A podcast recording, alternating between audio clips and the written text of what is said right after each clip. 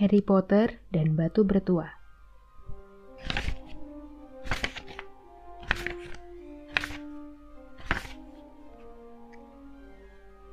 Bab 1 Anak laki-laki yang bertahan hidup Mr. dan Mrs. Dursley yang tinggal di Private Drive nomor 4 bangga menyatakan diri bahwa mereka orang-orang yang normal. Untunglah. Mereka tak bisa diharapkan terlibat dengan sesuatu yang ajaib atau misterius. Karena mereka sama sekali tak percaya omong kosong seperti itu. Mr. Dursley adalah direktur Groenings, perusahaan yang memproduksi bor. Dia laki-laki besar, gemuk, nyaris tanpa leher walaupun kumisnya besar sekali. Mrs. Dursley kurus berambut pirang, lehernya dua kali panjang leher biasa. Baginya ini menguntungkan, karena kegemarannya adalah menjulurkan leher di atas pagar-pagar, mengintip para tetangga. Suami istri Dursley mempunyai anak laki-laki kecil bernama Dudley. Dan menurut pendapat mereka, di dunia ini tak ada anak lain yang sehebat Dudley. Keluarga Dursley memiliki segalanya yang mereka inginkan. Tetapi mereka juga punya rahasia, dan ketakutan terbesar mereka adalah kalau ada orang yang mengetahui rahasia ini. Mereka pikir mereka pasti tak tahan kalau sampai ada yang tahu tentang keluarga Potter. Mrs. Potter adalah adik Mrs. Dursley, tetapi sudah bertahun-tahun mereka tidak bertemu. Mrs. Dursley malah berpura-pura tidak punya adik, karena adiknya dan suaminya yang tak berguna itu tak layak sama sekali menjadi kerabat keluarga Dursley. Mr. dan Mrs. Dursley bergidik memikirkan apa kata tetangga mereka jika keluarga Potter muncul di jalan mereka. Keluarga Dursley tahu bahwa keluarga Potter juga punya anak laki-laki kecil, tetapi mereka belum pernah melihatnya. Anak ini salah satu alasan bagus lain kenapa mereka tak mau dekat-dekat keluarga Potter. Mereka tak ingin Dudley bergaul dengan anak seperti itu. Ketika Mr. dan Mrs. Dursley bangun pada hari Selasa pagi yang mendung, saat cerita kita ini mulai, tak ada tanda-tanda di langit berawan di luar bahwa akan terjadi hal-hal misterius dan aneh di seluruh negeri. Mr. Dursley bersenandung ketika dia mengambil dasinya yang sangat membosankan untuk dipakainya bekerja. Dan Mrs. Dursley bergosip riang, seraya berkutat dengan Dudley yang menjerit-jerit dan menundukkan anak itu di kursi yang tinggi. Tak seorang pun dari mereka melihat seekor burung hantu besar kuning kecoklatan terbang melintasi jendela. Pukul setengah sembilan, Mr. Dursley memungut tas kerjanya, mengecup pipi Mrs. Dursley, dan mencoba mengecup Dudley tapi gagal, sebab sekarang Dudley ngadat dan melempar-lempar serealnya ke dinding. Dasar anak-anak, senyum Mr. Dursley sambil masuk ke mobilnya dan memundurkannya keluar dari garasi rumah nomor 4. Di sudut jalanlah pertama kalinya dia menyadari ada sesuatu yang aneh. Seekor kucing membaca peta. Sekejap Mr. Dursley tidak menyadari apa yang telah dilihatnya. Kemudian dia menoleh untuk melihat sekali lagi. Ada kucing betina berdiri di ujung jalan private drive, tapi sama sekali tak kelihatan ada peta. Rupanya tadi cuma khayalan. Pasti itu tipuan cahaya. Mr. Dursley mengejapkan mata dan memandang kucing itu. Si kucing balas memandangnya. Saat Mr. Dursley berbelok di sudut dan meneruskan perjalanan, dia memandang kucing itu lewat kaca spion. Kucing itu sekarang sedang membaca papan jalan yang bertulisan private drive. Bukan, bukan membaca, melainkan memandang papan jalan itu. Kucing tidak bisa membaca peta atau papan jalan. Mr. Dursley menggelengkan kepalanya dan mencoba melupakan kucing itu. Selama mengendarai mobilnya ke kota, yang dipikirkannya hanyalah pesanan bor dalam jumlah besar yang akan didapatnya hari itu. Tetapi menjelang masuk kota, bor tergusur keluar dari pikirannya oleh sesuatu yang lain. Sementara terjebak macet seperti biasanya, dia melihat banyak orang berpakaian aneh. Orang-orang yang memakai jubah. Mr. Dursley tak tahan melihat orang yang berpakaian aneh-aneh dan dengan anak-anak muda zaman sekarang. Dia kira jubah blow on ini sedang mode. Dia mengetuk-ngetukkan jarinya pada kemudi mobil dan matanya menatap serombongan orang aneh yang berdiri cukup dekat. Mereka sedang berbisik-bisik dengan tegang. Mr. Dursley sebal sekali melihat bahwa dua di antara mereka sama sekali tidak muda lagi. yang pakai jubah hijau zamrud itu bahkan lebih tua dari dia. Kelewatan benar, tetapi kemudian terlintas di benaknya bahwa mereka mungkin sengaja berdandan seperti itu. Mereka pastilah sedang mengumpulkan dana, entah untuk apa, ya pasti begitu. Kendaraan-kendaraan mulai bergerak, dan beberapa menit kemudian, Mr. Dursley tiba di tempat parkir Grunnings. Pikirannya kembali dipenuhi bor. Mr. Dursley selalu duduk membelakangi jendela di kantornya di lantai 9. Jika tidak, mungkin sulit baginya untuk berkonsentrasi pada bor pagi itu. Dia tidak melihat burung-burung hantu terbang berseliweran di siang hari, meskipun orang-orang lain di jalan melihatnya. Orang-orang itu melongok dan menunjuk-nunjuk ketika burung-burung hantu tak putus-putusnya berterbangan. Sebagian besar dari mereka belum pernah melihat burung hantu di malam hari sekalipun. Tetapi Mr. Dursley melewatkan pagi yang normal, tanpa gangguan burung hantu. Dia berteriak pada lima orang yang berbeda. Dia melakukan beberapa pembicaraan telepon penting dan berteriak beberapa kali lagi. Hatinya sedang senang, Sampai waktu makan siang, ketika dia memutuskan akan melemaskan kaki dan berjalan ke toko kue di seberang jalan. Dia sudah lupa sama sekali pada orang-orang berjubah, sampai dia melewati serombongan lagi di sebelah toko kue. Dia mendelik gusar kepada mereka. Dia tidak tahu kenapa, tetapi mereka membuatnya resah. Rombongan yang ini juga berbisik-bisik tegang, dan dia sama sekali tidak melihat satupun kotak pengumpul dana.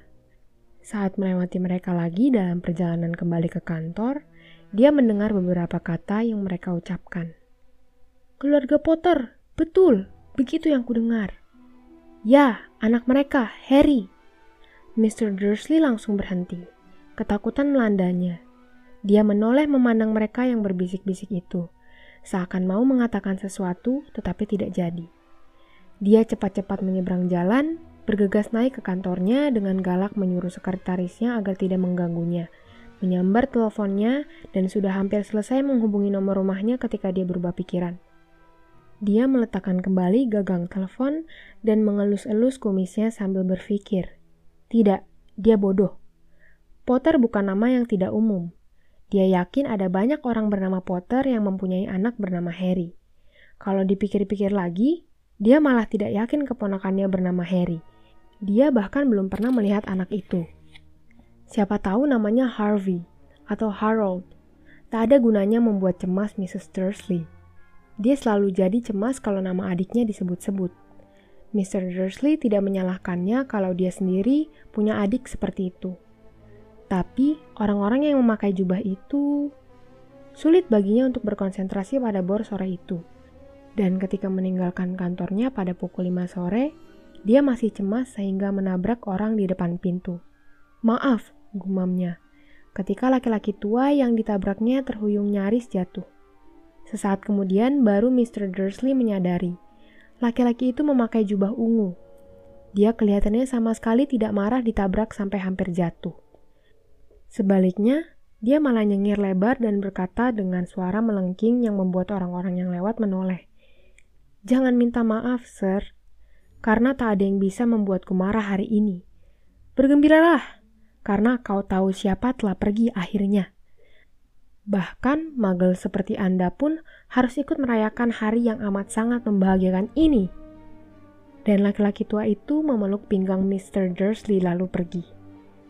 Mr. Dursley berdiri terpaku di tempatnya. Dia baru saja dipeluk oleh orang yang sama sekali asing. Seingatnya, dia juga disebut Muggle Entah apa artinya itu. Dia jadi bingung. Dia bergegas ke mobilnya dan pulang, berharap bahwa semua tadi hanya hayalannya. Ini sesuatu yang tak pernah terjadi sebelumnya, karena dia orang yang tak suka berhayal. Ketika mobilnya meluncur masuk ke pekarangan rumah nomor 4, yang pertama kali dilihatnya, dan ini tidak membuatnya bertambah lega, adalah kucing betina yang telah dilihatnya pagi tadi. Kucing itu sekarang duduk di atas tembok pekarangannya. Mr. Dursley yakin itu kucing yang sama. Dia punya tanda yang sama di sekeliling kedua matanya. Shush! Mr. Dursley mengusirnya. Kucing itu tidak bergerak. Dia malah menatap galak Mr. Dursley.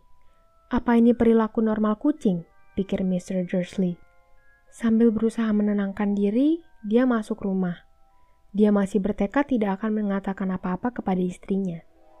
Mrs. Dursley melewatkan hari yang normal dan menyenangkan. Saat makan malam, dia bercerita kepada Mr. Dursley tentang ibu tetangga yang punya masalah dengan anak perempuannya dan bahwa Dudley sudah bisa ngomong kalimat baru. Tak mau. Mr. Dursley berusaha bersikap biasa.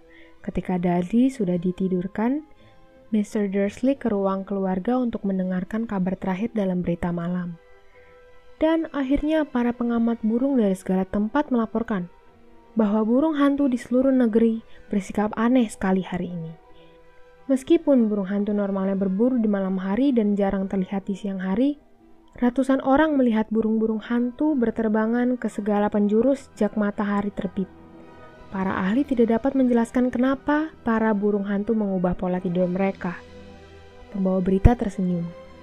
Sungguh aneh, dan sekarang kita bergabung dengan Jim McGuffin yang akan menyampaikan ramalan cuaca. Malam ini akan hujan burung hantu lagi, Jim. Wah, Ted, kata si peramal cuaca. Aku tak tahu tentang itu, tetapi bukan cuma burung hantu yang bersikap aneh hari ini. Para pemirsa sampai sejauh Ken Yorkshire dan Dundee bergantian menelponku untuk memberitahu bahwa alih-alih hujan seperti yang kuramal kemarin, yang mereka dapat adalah bintang-bintang jatuh. Mungkin orang-orang merayakan Bonfire Night lebih awal, padahal pesta kembang api seharusnya baru minggu depan para pemirsa. Tetapi malam ini bisa dipastikan hujan akan turun. Mr. Dursley terenyak di kursi berlengannya. Bintang jatuh di seluruh Inggris. Burung-burung hantu berterbangan di siang hari. Orang-orang misterius berjubah di mana-mana. Dan berbisik-bisik, bisik-bisik tentang keluarga Potter. Mrs. Dursley masuk ruangan keluarga membawa dua cangkir teh. Percuma. Dia harus mengatakan sesuatu kepada istrinya. Mr. Dursley berdeham panik. Um, Petunia sayang, belakangan ini ada kabar apa dari adikmu? Seperti dugaannya, Mrs. Dursley kelihatan kaget dan marah. Yah, biasanya kan mereka berpura-pura dia tidak punya adik. Tidak ada, jawabnya ketus. Memangnya kenapa? Ada berita aneh tadi, gumam Mr. Dursley. Burung hantu, bintang jatuh, dan ada banyak orang bertampang aneh di jalan hari ini. Jadi, tukas Mrs. Dursley. Ya, aku cuma berpikir, mungkin ada kaitannya dengan... Kau tahu kan, kelompoknya? Mrs. Dursley menyeruput tehnya dengan bibir cemberut. Mr. Dursley mempertimbangkan Beranikah dia memberitahu istrinya bahwa dia telah mendengar nama Potter disebut-sebut? Dia memutuskan tidak berani saja. Sebagai gantinya, dia berkata sebiasa mungkin. Anak mereka seumuran Dudley kan? Kayaknya sih, kata Mrs. Dursley kaku. Siapa ya namanya? Howard kan? Harry, nama jelek dan kodian menurutku. Oh ya, kata Mr. Dursley, hatinya mencelos. Ya, aku setuju. Dia tak lagi menyinggung-nyinggung masalah itu ketika mereka naik ke kamar tidur. Sementara Mrs. Dursley di kamar mandi, Mr. Dursley merayap ke jendela kamar dan mengintip ke halaman depan. Kucing itu masih ada. Dia sedang menatap ke jalanan seakan menunggu sesuatu. Apakah ini hanya hayalannya? Mungkinkah semua ini ada hubungannya dengan keluarga Potter? Kalau betul begitu, kalau sampai bocor, bahwa mereka masih kerabat pasangan, wah, dia tak akan tahan. Suami istri Dursley naik ke tempat tidur. Mrs. Dursley segera tidur, tetapi Mr. Dursley tidak. Dia memikirkan segala kemungkinan. Pikiran terakhir dan menenangkan sebelum dia tertidur adalah seandainya pun keluarga Potter memang terlibat, tak ada alasan bagi mereka untuk datang ke tempat keluarga Dursley. Mereka tahu bagaimana pendapat dirinya dan Mrs. Dursley mengenai mereka dan jenis mereka. Mr. Dursley tak melihat bagaimana dia dan Petunia bisa terlibat dengan entah apa yang sedang berlangsung ini. Dia menguap dan berbalik. Semua itu tak akan mengaruhi mereka. Betapa kelirunya dia. Mr. Dursley mungkin saja bisa tidur walau tak nyenyak. Tetapi kucing di atas tembok di luar sama sekali tak menunjukkan tanda-tanda mengantuk. Dia duduk diam bagai patung. Matanya memandang tanpa kedip ke sudut private drive di kejauhan. Ketika ada pintu mobil digaburkan di jalan sebelah, dia tetap bergeming. Begitu juga ketika ada dua burung hantu melayang di atasnya. Kucing itu baru bergerak menjelang tengah malam. Seorang laki-laki muncul di sudut yang diawasi si kucing. Kemunculannya begitu mendadak dan tanpa suara, sehingga kau akan mengira dia muncul begitu saja dari dalam tanah. Ekor si kucing bergerak dan matanya menyipit. Belum pernah ada orang semacam ini di private drive.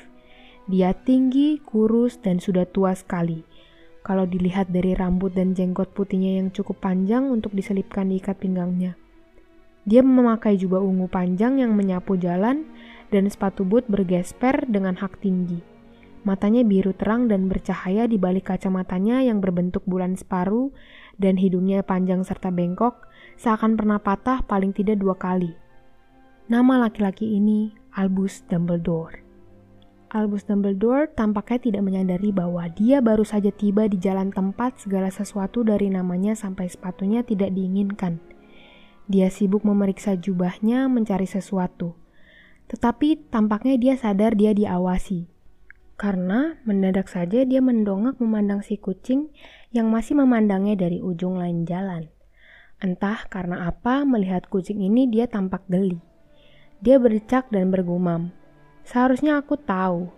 Dia sudah menemukan apa yang dicarinya di kantong sebelah dalam. Ternyata korek api perak. Dibukanya, diangkatnya ke udara, lalu dinyalakannya. Lampu jalan terdekat padam dengan bunyi pop pelan.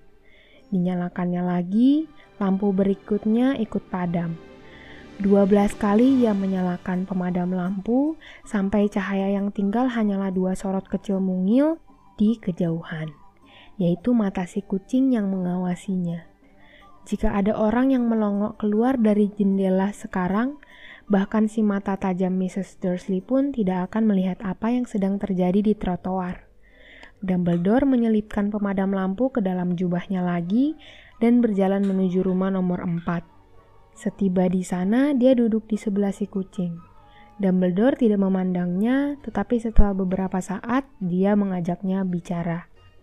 Tak disangka kita bertemu di sini ya, Profesor McGonagall. Dia menoleh untuk tersenyum pada si kucing betina, tetapi kucing itu sudah tak ada. Alih-alih kucing, dia tersenyum pada wanita bertampang agak galak yang memakai kacamata persegi. Persis bentuk yang melingkari mata si kucing. Wanita itu juga memakai jubah warnanya hijau zamrud. Rambut hitamnya digelung ketat, dia kelihatan bingung. Bagaimana kau bisa tahu kucing itu aku? Tanyanya. Profesorku, belum pernah aku melihat kucing yang duduk begitu kaku. Kau pun akan kaku kalau sudah duduk di tembok bata seharian, kata Profesor McGonagall. Seharian? Padahal seharusnya kau bisa merayakan hari gembira ini Aku melewati paling tidak selusin pesta dan perayaan dalam perjalanan kemari. Profesor McGonagall mendengus marah. Oh ya, semua merayakan, katanya tak sabar. Kau pikir mereka akan lebih hati-hati, tetapi tidak. Bahkan para magel pun merasa ada sesuatu yang sedang terjadi. Itu disiarkan di warta berita mereka. Dia mengedikkan kepalanya ke arah jendela ruangan keluarga Dursley yang gelap. Aku mendengarnya rombongan burung hantu, bintang jatuh. Nah, mereka kan tidak bego. Keanehan ini menarik perhatian mereka. Bintang jatuh di Kent, aku berani bertaruh. Itu Dendalus Tegel. Dari dulu dia kurang perhitungan. Kau tak bisa menyalahkan mereka, kata Dumbledore lembut. Tak ada yang benar-benar bisa kita rayakan selama 11 tahun ini. Aku tahu kata Profesor McGonagall jengkel. Tapi itu bukan alasan bagi kita untuk lupa diri. Orang-orang ceroboh sekali. Berkeliaran di jalan, di siang bolong, bahkan tidak memakai pakaian muggle, bertukar gosip. Dia melirik tajam Dumbledore, seakan berharap Dumbledore akan memberitahunya sesuatu. Tetapi ternyata tidak. Maka dia meneruskan, Bagus sekali jika pada hari kau tahu siapa akhirnya menghilang. Bangsa Magel akhirnya juga tahu tentang kita. Kira-kira dia betul sudah pergi Dumbledore? Kelihatannya begitu, kata Dumbledore. Banyak yang harus kita syukuri. Kau mau permen jeruk? Apa? Permen jeruk, permen magel yang kusukai. Tidak, terima kasih, kata Profesor McGonagall dingin. Seakan menurut dia, ini bukan saatnya untuk makan permen jeruk. Seperti kukatakan, bahkan jika kau tahu siapa sudah pergi, profesorku yang baik, tentunya orang bijaksana seperti kau bisa menyebut namanya. Segala omong kosong kau tahu siapa, Selama 11 tahun aku sudah berusaha membujuk orang-orang agar menyebutnya dengan namanya yang sebenarnya, Voldemort. Profesor McGonagall berjengit. Tetapi Dumbledore yang sedang membuka bungkus dua permen jeruk kelihatannya tidak tahu. Jadi sangat membingungkan jika kita selalu berkata kau tahu siapa. Aku tak melihat alasan kita harus takut menyebut nama Voldemort. Aku tahu, kata Profesor McGonagall. Kedengarannya setengah putus asa, setengah kagum. Tetapi kau lain, semua tahu. Kau satu-satunya yang ditakuti si kau tahu. Oh, baiklah, Voldemort. Kau membuatku tersanjung, jawab Dumbledore tenang. Voldemort memiliki kekuatan yang tak akan pernah kumiliki. Hanya karena kau terlalu, ya, mulia untuk menggunakannya. Untung sekarang gelap. Belum pernah mukaku semerah ini sejak Madame Pomfrey mengatakan dia menyukai tutup telingaku yang baru. Profesor McGonagall memandang tajam Dumbledore dan berkata, Burung-burung hantu itu bukan apa-apa dibandingkan dengan kabar burung yang tersebar. Kau tahu apa yang dikatakan semua orang tentang alasan kenapa dia menghilang, tentang apa yang akhirnya menghentikannya? Kelihatannya Profesor McGonagall telah mencapai pokok masalah yang ingin sekali didiskusikannya. Alasan kenapa dia duduk menunggu di atas tembok keras dingin sepanjang hari. Karena tidak sebagai kucing ataupun sebagai perempuan dia pernah memandang Dumbledore setajam sekarang. Jelas bahwa apa pun yang dikatakan semua orang tak akan dipercayainya sampai Dumbledore mengatakan kepadanya bahwa itu benar. Tapi Dumbledore malah memilih permen jeruk yang lain dan tidak menjawab. Apa yang mereka katakan, dia meneruskan, adalah bahwa tadi malam Voldemort muncul di Godric Hollow. Dia datang mencari keluarga Potter. Menurut gosip, Lily dan James Potter sudah... Sudah... Mereka sudah meninggal. Dumbledore menundukkan kepalanya. Profesor McGonagall memaki kaget. Lily dan James? Tak bisa ku percaya. Aku tak mau percaya. Oh, Albus. Dumbledore mengulurkan tangan dan membelai bahu Profesor McGonagall. Aku tahu, aku tahu, katanya sedih. Suara Profesor McGonagall bergetar ketika dia meneruskan. Itu belum semua. Kata mereka dia mencoba membunuh anak keluarga Potter, Harry. Tetapi dia tidak bisa. Dia tidak berhasil membunuh anak kecil itu. Tak ada yang tahu kenapa atau bagaimana. Tetapi mereka bilang bahwa ketika dia gagal membunuh Harry Potter, kekuatan Voldemort punah dan itulah sebabnya dia menghilang. Dumbledore mengangguk tanpa bicara. Jadi, jadi betul. Profesor McGonagall tergagap. Setelah semua yang dilakukannya, semua orang yang dibunuhnya, dia tak bisa membunuh anak yang boleh dikatakan masih bayi. Sungguh mengherankan mengingat segala upaya untuk menghentikan sepak terjangnya, tetapi bagaimana mungkin Harry bisa bertahan? Kita cuma bisa menduga, kata Dumbledore. Kita mungkin tak akan pernah tahu. Profesor McGonagall menarik selai sapu tangan sutra dan mengusap mata di balik kacamatanya. Dumbledore menyedot hidung keras sambil mengambil jam emas dari dalam sakunya dan memandangnya. Jam itu sudah sangat tua. Jarumnya ada 12, tetapi tidak ada angkanya. Sebagai gantinya, planet-planet kecil bergerak mengitari tepinya. Tapi Dumbledore pasti bisa mengartikannya, karena dia mengembalikan jam itu ke sakunya dan berkata, Hagrid terlambat. Kurasa dia yang memberitahumu bahwa aku akan ada di sini kan? Ya, jawab Profesor McGonagall dan kurasa kau tidak akan memberitahuku kenapa kau sampai berada di sini. Aku datang untuk mengantar Harry kepada bibi dan pamannya. Hanya merekalah keluarganya yang tinggal sekarang. Kau tidak. Yang kau masukkan tidak mungkin orang-orang yang tinggal di sini. Seru Profesor McGonagall seraya melompat berdiri dan menunjuk rumah nomor 4. Dumbledore, jangan. Aku sudah mengamati mereka sepanjang hari. Takkan bisa kau temukan dua orang yang sangat berbeda dari kita seperti mereka. Dan mereka punya anak. Kulihat anak ini menendang-nendang ibunya sepanjang jalan ini, menjerit-jerit minta permen. Harry Potter akan tinggal di sini. Ini tempat paling baik untuknya, kata Dumbledore tegas. Bibi dan pamannya akan bisa menjelaskan segalanya kepadanya kalau dia sudah lebih besar. Aku sudah menulis surat kepada mereka. Surat? Profesor McGonagall mengulangi dengan lesu. Kembali duduk di atas tembok. Astaga Dumbledore, kau pikir kau bisa menjelaskan semua ini dalam surat? Orang-orang ini tak akan pernah memahami Harry. Dia akan jadi orang terkenal. Jadi legenda Aku tak akan heran jika di masa depan nanti, hari ini akan dijadikan hari Harry Potter. Akan ada buku-buku tentang Harry yang ditulis. Semua anak di dunia kita akan mengenal namanya. Justru itu, kata Dumbledore, memandang dengan sangat serius di atas lensa kacamatanya yang berbentuk bulan separuh. Semua itu bisa membuat sombong anak mana pun. Sudah terkenal sebelum dia bisa berjalan dan berbicara terkenal gara-gara sesuatu yang ingat pun dia tidak. Tak bisakah kau lihat? Akan jauh lebih baik baginya jika dia dibesarkan jauh dari semua itu, sampai dia sudah siap menerimanya. Profesor McGonagall membuka mulut, berubah pikiran menelan ludah, dan kemudian berkata, Ya, ya, kau benar, tentu saja. Tetapi bagaimana anak itu bisa tiba di sini, Dumbledore? Mendadak dia matinya jubah Dumbledore, Seakan dia mengira Dumbledore mungkin saja menyembunyikan anak itu di balik jubahnya. Hagrid yang akan mengantarnya. Kau pikir bijaksana mempercayakan hal sepenting ini kepada Hagrid?